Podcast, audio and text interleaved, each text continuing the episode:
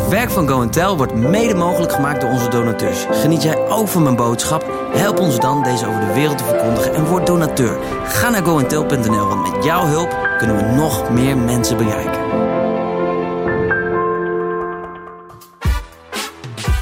Van 20 mei tot en met 20 juni hebben we een speciale aanbieding. De online masterclass Sprekend vanuit je hart is in plaats van 145 euro één hele maand verkrijgbaar voor slechts 99 euro. Ontwikkel je tot een aansprekende, inspirerende en inlevende spreker. En meld je zo snel mogelijk aan via daviddevos.nl.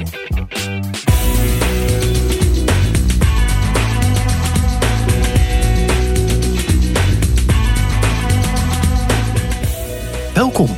Tijdens een bezoek aan een motorbeurs ontmoette David de nieuwe dominee. Geen leider van een kerk, maar zeker wel een man met een boodschap voor de wereld. Maar ook voor David.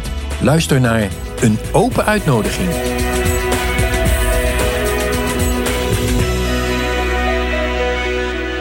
De Bijbel is geen boek van oordeel, maar weet je wat het is? Het is een open uitnodiging.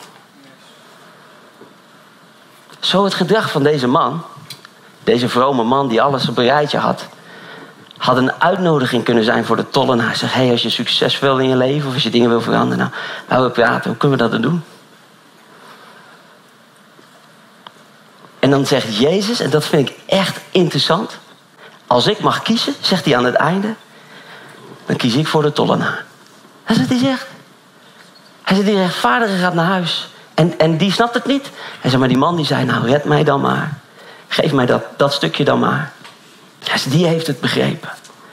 Maar ja, weet je, om daar te komen, moet ik een heleboel vrome getoeter afleggen.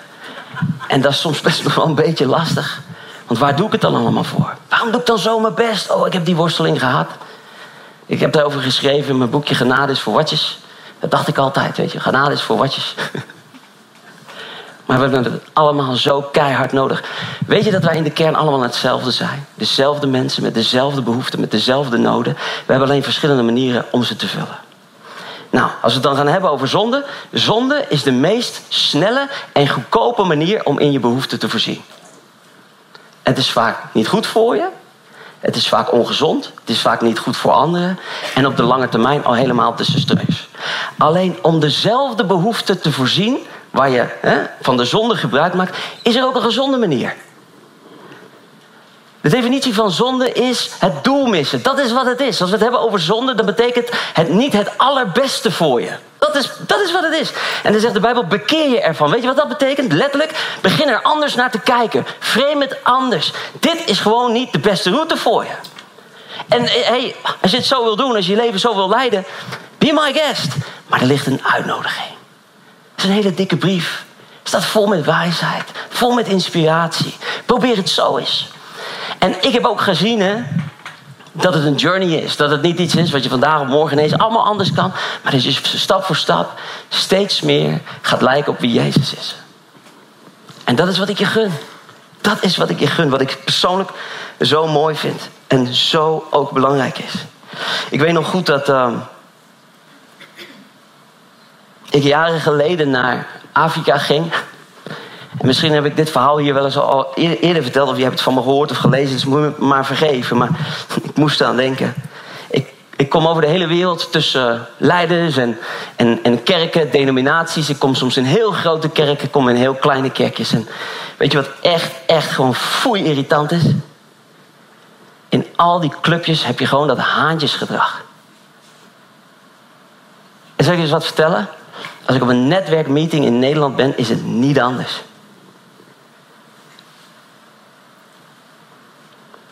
Het hangt er gewoon. Hoe groot is jouw kerk? Hoeveel zielen heb jij gewonnen? Hoeveel geld stroomt er binnen in jouw kas? Hoeveel heb je weggegeven? Die kent die, die kent die, die kent die. Zo ook in Afrika was het niet anders. Die sfeer daar, dat is echt, oh jongen. Maar daar was het echt gewoon, echt gewoon, echt gewoon irritant, weet je. Ik vind ook wel eens iets gewoon irritant. Ik wil preken, het evangelie van liefde, onvoorwaardelijk. Kom bij Jezus. En, en, en hier zitten mensen letterlijk hè, voor mijn neus gewoon te kibbelen over wie de allerbelangrijkste is. is trouwens ook weer niet zo gek. Jezus had het ook met de discipelen, weet je. Wie is de allerbelangrijkste? Wie mag er naast je zitten? Al, die dingen bij elkaar. Ze leken wel mensen. En nu nog steeds, we zijn nog steeds mensen. En nou kan ik wel zeggen, ja, maar dat gekibbel en dat haantjesgedrag, dat moet allemaal afgelopen zijn. Dan moet de deur uit, dat kunnen we niet meer doen. Maar ik zal je wat vertellen, zolang er mensen zijn, gaan ze dit doen. Want het heeft te maken met het vervullen van een behoefte. Wie ben ik? Hoor ik erbij? Word ik gezien? Ben ik geliefd? Al die dingen maken dat we doen wat we doen. Dus we moeten praten over die behoeftes. En we kunnen tegen elkaar zeggen: joh, als je nou eens af en toe een minuutje gaat zitten, gewoon voelen dat je echt geliefd bent door de vader, dan hoef je er misschien wat minder over te praten of zo. Ideetje. En we maken een culture shift. En tijdens deze meeting in Afrika, ik weet nog zo goed. 50 leiders, belangrijk. En er zit een jongen van, ik schat hem in. 14, 15 in de zaal. En die leider die opent een meeting en die zegt: We gaan hele belangrijke dingen doen. En hij, hij, hij, hij wijst naar die jongen en zegt: Hé, jij, jij zit hier, wat doe je hier? Hij is een jongen die, weet je wel. Hij zei: uh, Ga eens even staan. En hij, hij bestrafte hem aan het publiek. Hij zei: Wat doe je in deze samenkomst? Hij zei, dit is geen plek voor kinderen. Ga er eens uit. En de jongen liep met zijn schouders naar beneden, hoofd zo naar buiten toe. Nou, moet je je voorstellen dat ik dus achter op het podium zit, hè? Op zo'n hele grote troon. En ik, ik zeg echt in mijn hart tegen de Heilige Geest. Ik zeg, Heer, ik zeg, hier zakt je broek toch vanaf. Dit is toch verschrikkelijk. Ik zeg, wat moet ik hier nou mee? Zeg, dan moet ik nog tegen die gasten gaan preken ook. Zeg, wat, wat kan ik nu nog zeggen? En het was zo mooi hoe de stem van de Heilige Geest dan tot je fluistert. Of in je intuïtie. En ik hoorde de Heilige Geest zeggen: Zit niet zo te mokken, man. Sta op. Dit is je kans. Pak hem. Ik denk, dat is mijn kans. Ik zei ook al, dit is je kans. Pak hem. En ik denk ineens: Oh ja, wacht even. Ik ga staan. En ik zeg: Oeh, zei hij. Ik zei: hey, vriend. Kom eens terug. Hij had net op zijn kop gekregen van de allerbelangrijkste man in die samenleving. En nu komt die andere man die ook wel wat te zeggen had. En die zegt, kom maar gewoon terug. Nou jongen, je kon een spel doorvallen. Wat gaat hij doen? En ik was gefrustreerd. Ik zeg, heer, u moet me helpen. Ik gooi de Bijbel open. Lucas 9. Waar Jezus een kind neemt. Het in het midden zet. Hij zegt, zo is het koninkrijk. Als deze jongen. Hij zei, nou, als je hem kan ontvangen, ontvang je mij. Ik begon dat stuk te lezen. Gewoon, ter voorbeeld. Ik nam die jongen onder mijn arm, zo. Ik zeg, zo. Ik zeg, begin hier, hè. Ik zeg, laten we hem ontvangen. Ik zeg, want dat is wat Jezus over had. Weet je wat er gebeurde? Mensen begonnen te huilen. Ze voelden het. Ze dachten, ja, verdorie, hij heeft gelijk. Weet je wat ik deed om iedereen te plagen? Ik gaf hem de allerbelangrijkste plek op mijn troon. En ik ging preken. En je had die jongen moeten zien zitten, jongen. Smaal van oor tot oor. Zo. De hele preek. En ik maak geen grapje. Ze hebben hem er twee of drie keer geprobeerd af te trekken achter mij zonder dat ik het zag. En nou moet je ook gevoelig zijn. En dat, dat realiseer ik me ook. En, eh, dus ik zou bijna willen zeggen, don't try this at home, weet je. Want soms kun je dingen doen om te chockeren, maar je wil dingen ook weer niet kapot maken. Je hebt met culturen te maken, je hebt met eer te maken. Je met... Maar in dit geval wist ik ergens in mijn hart, ik moet iets doen om alles weer even op scherp te zetten. Ik, ik moet de mensen meenemen in een andere manier van denken. En ik denk ook dat het zo belangrijk is voor ons. Als mensen hier bij ons binnenkomen, als mensen in de kerk van Jezus Christus binnenkomen, waar ze vandaan komen of ze oplichters zijn, of dat ze, I don't know. Misschien heb je gisteravond wel iemand vermoord. Wij zitten van die creepy uh, docu's altijd te kijken, Joyce en ik. Dat ga hele raar ding denken. Maar ze zijn er, hè? Ik, ik, ik, ik, ken je reden niet. Weet je wat zo grappig was? Iedereen kan een moordenaar zijn. Je hebt alleen de juiste omstandigheden, de juiste reden en de juiste druk nodig. In elk mens zit een grens. En als het dan net even verkeerd uitpakt en, enzovoort. Ik, ik, ik moet je eerlijk zeggen, ik, ik hoop het niet. Ik ben het ook echt niet van plan. Het zit totaal niet in mijn identiteit. Maar ik durf niet meer te zeggen dat ik het allemaal niet snap.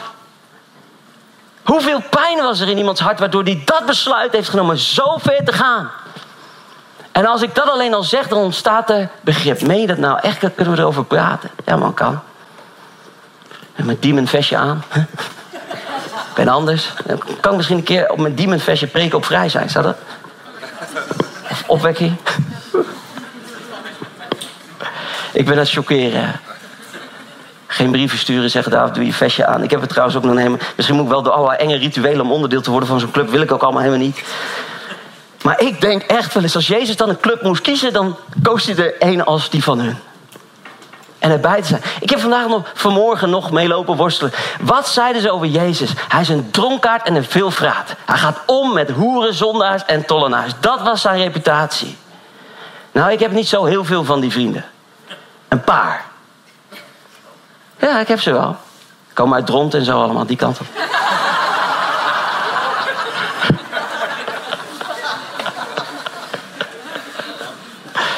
Nee, maar het, het is waar. En weet je wat ik zo leuk vind? Ik ben ze niet aan het veranderen, maar ze weten allemaal donders goed van wie ik hou. Dat ik van Jezus hou, dat ik anders ben. Dat ik andere keuzes maak. Ze weten het allemaal. We kunnen praten over het leven, kunnen praten over al die dingen meer. En deze vriend, hè, want, want ik, ik, ik, de, um, hij zal het ook niet erg vinden ook. Ik heb een vriend, een hele goede vriend in Dronten. Ik ga regelmatig met hem vissen. Hij is een jongen, geboren in de wereld. Heeft alles gedaan wat God verboden heeft. Hij heeft aan, nou ja, zeg maar, No Nut November had hij nooit gehaald. Zeg maar, laten we even zo zeggen, voor de jeugd, die weten dan waar ik het over heb. Hij heeft alles, zeg maar, dat, dat is wie hij is. Ik leerde hem kennen en ze zeiden over mij en hem, want wij kwamen in hetzelfde vissersteam, pro-stafteam van een merk. Jullie worden nooit een match, want jij bent Sodom en Gomorra en David een heilige, weet je, dus jullie matchen niet. Wij zijn de enige match in dat team. Want er zat ook een of andere vrome toeter, weet je wel, die zei van ja, ik ken David wel, maar daar ga jij niet mee klikken. Had hij hem al verteld? Jouw leven en hoe jij in elkaar zit enzovoort. Weet je wat deze vriend tegen mij zei? Hij zei, David, zegt hij, ik had een collega. Hij zegt, en de meeste collega's zegt, die zijn allemaal leuk en aardig. Maar zij was christelijk. Ze had allemaal regeltjes en allemaal dingetjes waar we allemaal om moesten houden. Hij zegt, maar zij was het meest oneerlijk van iedereen. Liep de kantjes er vanaf, vond wat van iedereen. Een herkenbaar verhaal, hè? Hij zegt, dan dacht ik, nou één ding weet ik zeker. Ik wil nooit geen christen worden. Dit is zo'n raar verhaal. En weet je wat ik dan tegen hem zeg? Ik zeg, ik snap je man. Ik zeg, ik snap het helemaal. Ik zeg, oh, dat is ook echt niet handig van ons. Hè? Nee, nee, nee, slaat nergens op. En toen zei hij iets tegen me wat mij erg raakte. Hij zegt, ik ben je gaan opzoeken. Hij zegt, ik ben gaan luisteren naar je. Ik ben door je meetings gescrolld. Hij zegt, en wat mij aan jou opvalt, zegt hij, is dat jij het echte gesprek niet uit de weg gaat. Hij zegt, je pakt de koe bij de horens en je hebt het over thema's waar niemand over wil praten. Zegt hij over zelfmoord, over suïcide, over depressie, over ziekte, over verlies. Of hij zegt, je doet het. Hij zegt, maar je brengt hoop. Hij zegt, maar toen ben ik eens door de reacties gescrolld daaronder. Van je eigen volk. Hij zegt, ben ik zo van geschrokken. Hij zegt, weet je dat wij dat nog niet eens zouden doen tegen elkaar? Hij zegt, wij die dan slecht zijn en verloren zijn. En ik denk dat jullie het allemaal weten. Ik ga ervan uit dat niemand van jullie daar reacties heeft gepost trouwens. En als je wel, weet je, ik hou van je. Weet je. Ik vergeef je. Nadat ik boos ben geweest, mijn bokzak heb geslagen, is het eruit. Dan vergeef ik. Is goed, hè? Is heel gezond om dat soort dingen te doen. En de zoektocht is voor mij, en, en daar moeten we gewoon maar eens met elkaar over denken misschien. Ik hoef je ook niet een ei te leggen en te zeggen, zo moet het zijn. Dat, dat wil ik helemaal niet. Maar de zoektocht is, hoe kunnen wij, als wij dan denken dat we de absolute liefde en waarheid kennen, zo aantrekkelijk zijn dat iedereen erbij wil horen. Met motorvestjes en al. Kom maar binnen, maar laat je demon buiten alsjeblieft. Of zullen we zeggen, nou, demonen mogen de eerste reis gaan er toch uit. Ik ben niet meer bang. Ik weet, vroeger was ik echt heel bang, hè. Ik was zo bang voor de wereld. Ik was bang om misleid te worden. Ik was bang om, om weg te vallen. Ik was bang om al die dingen. Ik ben niet meer bang. Ik ben, niet ik ben echt niet meer bang. Want ik weet, ik, weet nu meer dan ooit waarom ik doe wat ik doe. Ik weet wat ik naartoe zoek. Ik weet ik, waar ik naar hunker. Ik weet waar ik het vinden kan. Ik heb mijn leven totaal omgegooid. En het was ook een moeilijk proces. Het was ook een sterfproces. Ik weet niet hoe lang heb ik nog. Ik ben al lang aan het preken, hè? Wie wil dat ik nog even doorga? Oké, wie wil dat ik stop? Even eerlijk. Jij. Oh, jullie kinderen. Zullen we dan bidden dat ze ook een mooi verhaal hebben? Heer, stuur een mooi verhaal. Raak ze aan. Ik ga nog heel even de diepte in. En, en, en, en dat doe ik omdat ik ehm, dit, moet je, moet je echt horen. Ik ga de diepte in, niet om een trucje te doen. Ik ga, ook, ik ga de diepte in, niet omdat ik zielig wil zijn... of dat ik on purpose kwetsbaar wil zijn... maar ik ga de diepte in omdat dit het echte verhaal is van mijn leven. Als je mij in de afgelopen jaren hebt horen preken... en als je mijn hele leven al kent... dan weet je dat ik heel zwart-wit begon, super radicaal. Ik vond genade allemaal maar helemaal niks. Ik vond het ook heel moeilijk. Ik was heel veroordelend enzovoort. Maar diep van binnen was er bij mij altijd wel een stemmetje die zei van... ja, David, gast, weet je... ergens voel je het, hè, dan schuurt het. Dan, je weet dat er iets meer is. Je weet... En dan moet je als een held leren luisteren naar dat stemmetje. En dan moet je misschien wel al je ideeën overboord gooien. dat is super eng, dat is super lastig. En, nou, ik heb heel die journey gedaan. Maar ik heb in die hele strijd ook best wel mentaal geworsteld. Er waren allerlei dingen die ik niet van mezelf wist. En goede vrienden van mij die weten het ook. Ik heb veel meer gedeeld. En ehm, ik had het niet alleen maar mentaal heel veel problemen. Ik had ook fysiek veel uitdagingen. Ik had ontzettend veel pijn altijd in mijn lijf. Maar ik wist niet waarom. Ik ben naar de dokter geweest. Hier zo, uh, Krachtenveld. Ik zeg, dokter, heel veel pijn. Oh, zegt ze. Maar je ziet er zo gezond uit, jongen. Heb je veel stress? Nou ja, op een gegeven moment weten ze wat je doet. Hè? En dan weten ze ook dat dat niet heel normaal is. Dus dan zeggen ze, oh, het zal wel een beetje veel druk geven. Het zit een beetje tussen je oren. Dus ik dacht, alles, maar het zit tussen mijn oren. Weet je. Ik heb pijn, het zit tussen mijn oren. Enzovoort. En dat is heel lang zo doorgegaan. En dat heeft me ook ontzettend veel lijden gegeven. Omdat ik gewoon als een, als een hond naar mijn eigen staart aan het rennen was. Van op zoek naar van waarom word ik nou niet beter, weet je wel. Alle dingen geprobeerd, weet je. Brainspotting en EMDR, weet je. Tot ik een ons weeg, weet je wel. En, en, en maar zoeken, zoeken, zoeken. Maar ik had ook pijn. En, en, en ik kon gewoon nergens... Ik, ik, ik wist gewoon niet wat vandaan kwam. Dat ik vorig jaar rond deze tijd hadden we Simply Jesus in de IJsselhallen. Het was heel intens geweest, het was goed geweest. En ik ging op pad met een maatje van mij, snowboarden. En ik lag in mijn bed. Mijn hele lijf deed zoveel zeer, opnieuw weer. En ik had het al vaker, zei ik tegen Joyce, ik zei, nou, als, als iemand zou zeggen, je bent doodziek, dan, dan geloof ik het ook. En ik lag in Zuid-Frankrijk op mijn bed en ineens kwam daar die intuïtie, waarvan ik ook geloof dat God op die manier spreekt. En ze van, gast, je moet gewoon even in je lijf laten kijken. Je hebt van die klinieken, daar kun je het gewoon kopen. Dan heb je geen verwijzing van de dokter nodig. Dan reis je naar Duitsland of zo en dan laat je in je lijf kijken. Dus ik belde Joyce, ik zei, dat gaan we doen. Het was één dag voor kerst. Dat is trouwens niet een goed moment om in je lijf te laten kijken. Alvast. Weet je, mogen dat één dag voor kerst, ik, gewoon geen goed idee. Wij daarheen, bloed, hart en dan uiteindelijk een MRI. Ik had wat last van mijn rug en zo. En uiteindelijk een CT-scan. Dus weet je, all good. Ik was, er met Joyce de hele dag. En ik kom bij de dokter. Goed, goed, goed, goed, goed. Ja, zegt ze. Er is één dingetje, dat zien we op de MRI. Uh, dat, is, uh, dat ziet er een beetje... Ja, kan niet zo goed wat het ziet, maar wat ruis. Zou ik even naar laten kijken als ik jou was? Nou, dat weet je genoeg, hè? Dus ik zeg, wat, wat, betekent dat? Nou, laten kijken. Nou, ze zegt, dan zou ik even een CT-scan moeten maken. Ze dan kan ik het beter zien. Ik zeg, nou, doe maar dan. Ik ben nou toch hier, dus bij CT-scan. Toen moesten we naar buiten.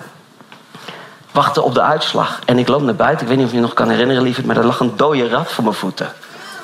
Ik dacht echt, oh my god, weet je. Als je een beetje goed geloof, eh, een beetje bijgelovig bent. Maar ik, ik ben echt van mening dat heel veel extreem charismatische mensen ook wel bijgelovig raken. Was ik ook op een gegeven moment. Dus ik zocht, ik achter alles wat, weet je. Elke boom en demon en dingen. Ik denk, ben dood, weet je wel. Kurabara, Sharma, hier, help. Nou, wij terug. Ja, zegt ze, uh, het is wat ik denk dat het is. Zegt ze, uw lymfeklieren zijn opgezwollen. Bij uw borst. Ik zeg, oh. Ik zeg, en? Ik zeg, uh, wat betekent dat? Ze zegt, het kan eigenlijk maar twee dingen zijn. Ze zegt, of u heeft lymfeklierkanker... of u heeft de ziekte van sarcoidose. Ik zeg, zo. Dus Joyce nog heel lief aan die dokter vragen... hoe groot is de kans dat als we nu verder gaan kijken... dat het toch niks blijkt te zijn? Oh nee hoor, liefheid, zei ze. Dit is echt wel wat. Ze zegt, je hoeft niet rennen naar de dokter, maar je moet wel gaan. Nou, toen begon kerst, weet je. Ik natuurlijk helemaal melodramatisch. Misschien ben ik er wel niet meer volgend jaar. En weet je, allemaal dat soort gedachten. Je bent mensen, gaat allemaal door je hoofd heen. Ik had ze allemaal. En vervolgens uh, naar Nederland en naar de dokter en verwijzingen en dingen. En dan zegt de dokter, ja, ik heb het allemaal wel leuk, maar ik wil het zelf zien. Dus, hup, dat meander in Amersfoort, ga je maar daar laten scannen. En dan spuiten ze van die uh, chemische vloeistof in je lijf... om het allemaal op te laten lichten, de ontsteking en dingen. Dus ik zit daar op de kankerafdeling. En uh, er komt een zuster die komt me halen. En ze zegt, hey, David de Vos, wat leuk dat je er bent.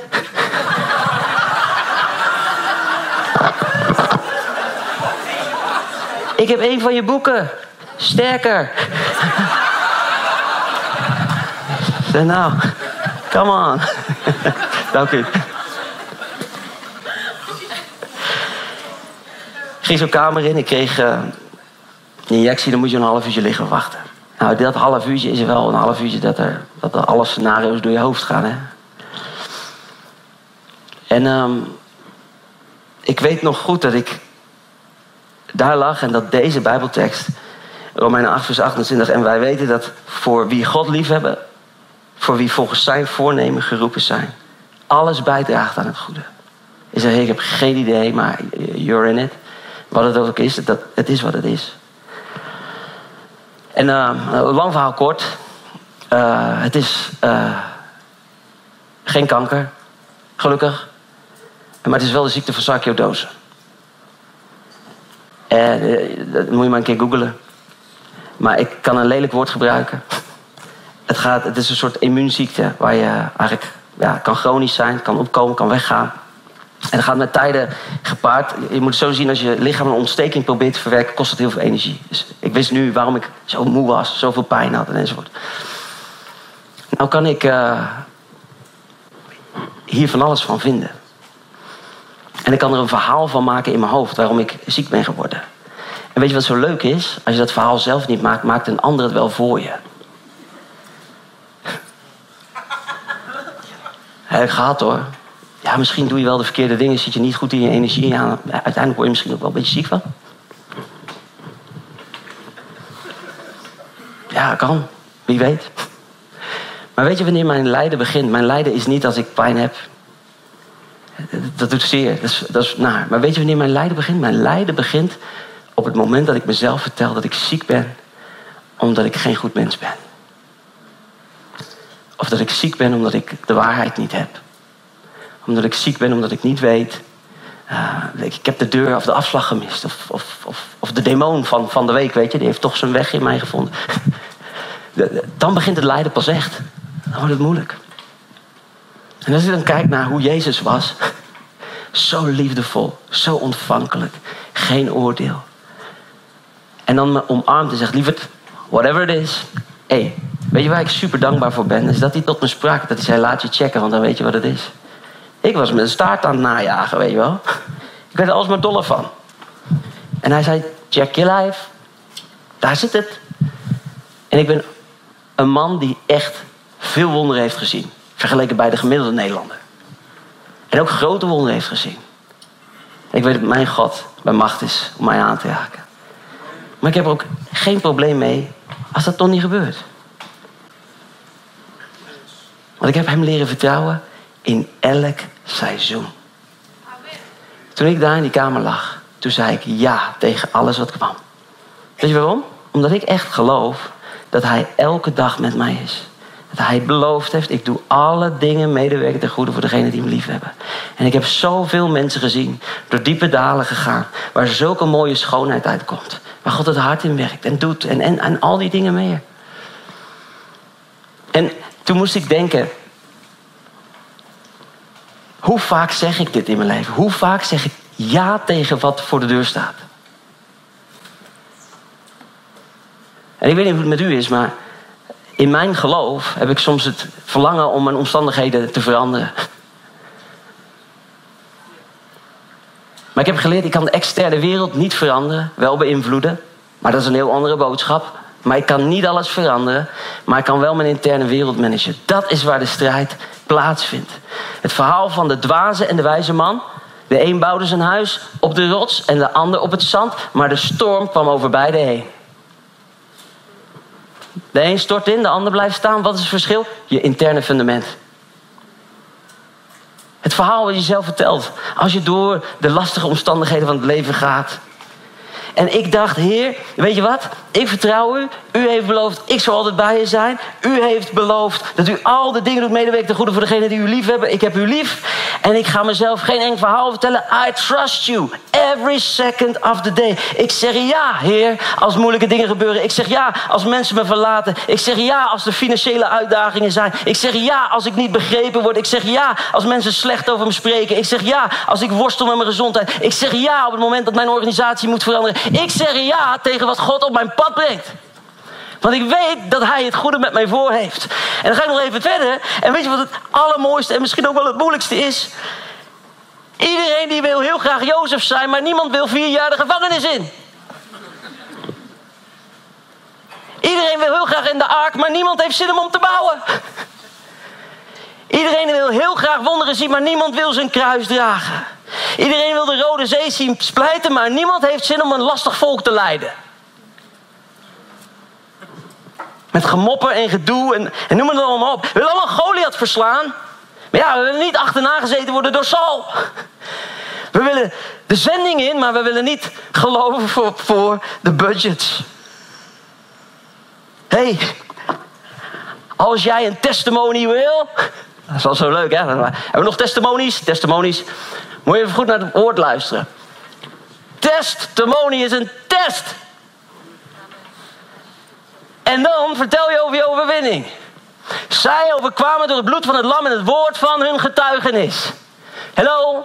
Weet je wat het betekent? Jezus heeft het verwachte werk gedaan. Zijn bloed en jouw verhaal is wat jouw overwinning brengt. Het verhaal waarin jij zelf je eigen held bent omdat je bent gaan staan en God gelooft, ondanks wat er om je heen gebeurt. Wat mensen van je zeggen, wat mensen van je vinden. Jij bent Gods geliefde kind in alle omstandigheden. Dat is, dat is, dat is wat ik zou willen in je hart. En mag het bij je blijven tot aan je laatste adem. Psalm 68, vers 20. Geprezen zij de Heer. Dag aan dag draagt Hij ons. En dat is ook die 23e van december, de dag voor kerst. Toen droeg hij mij daar door die gangen heen. Toen legde hij me op dat bed. Heeft jou ook gedragen. En dat weet je in alle seizoenen.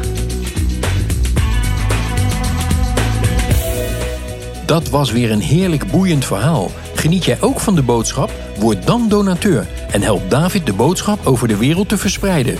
Alle info op goentel.nl slash nu.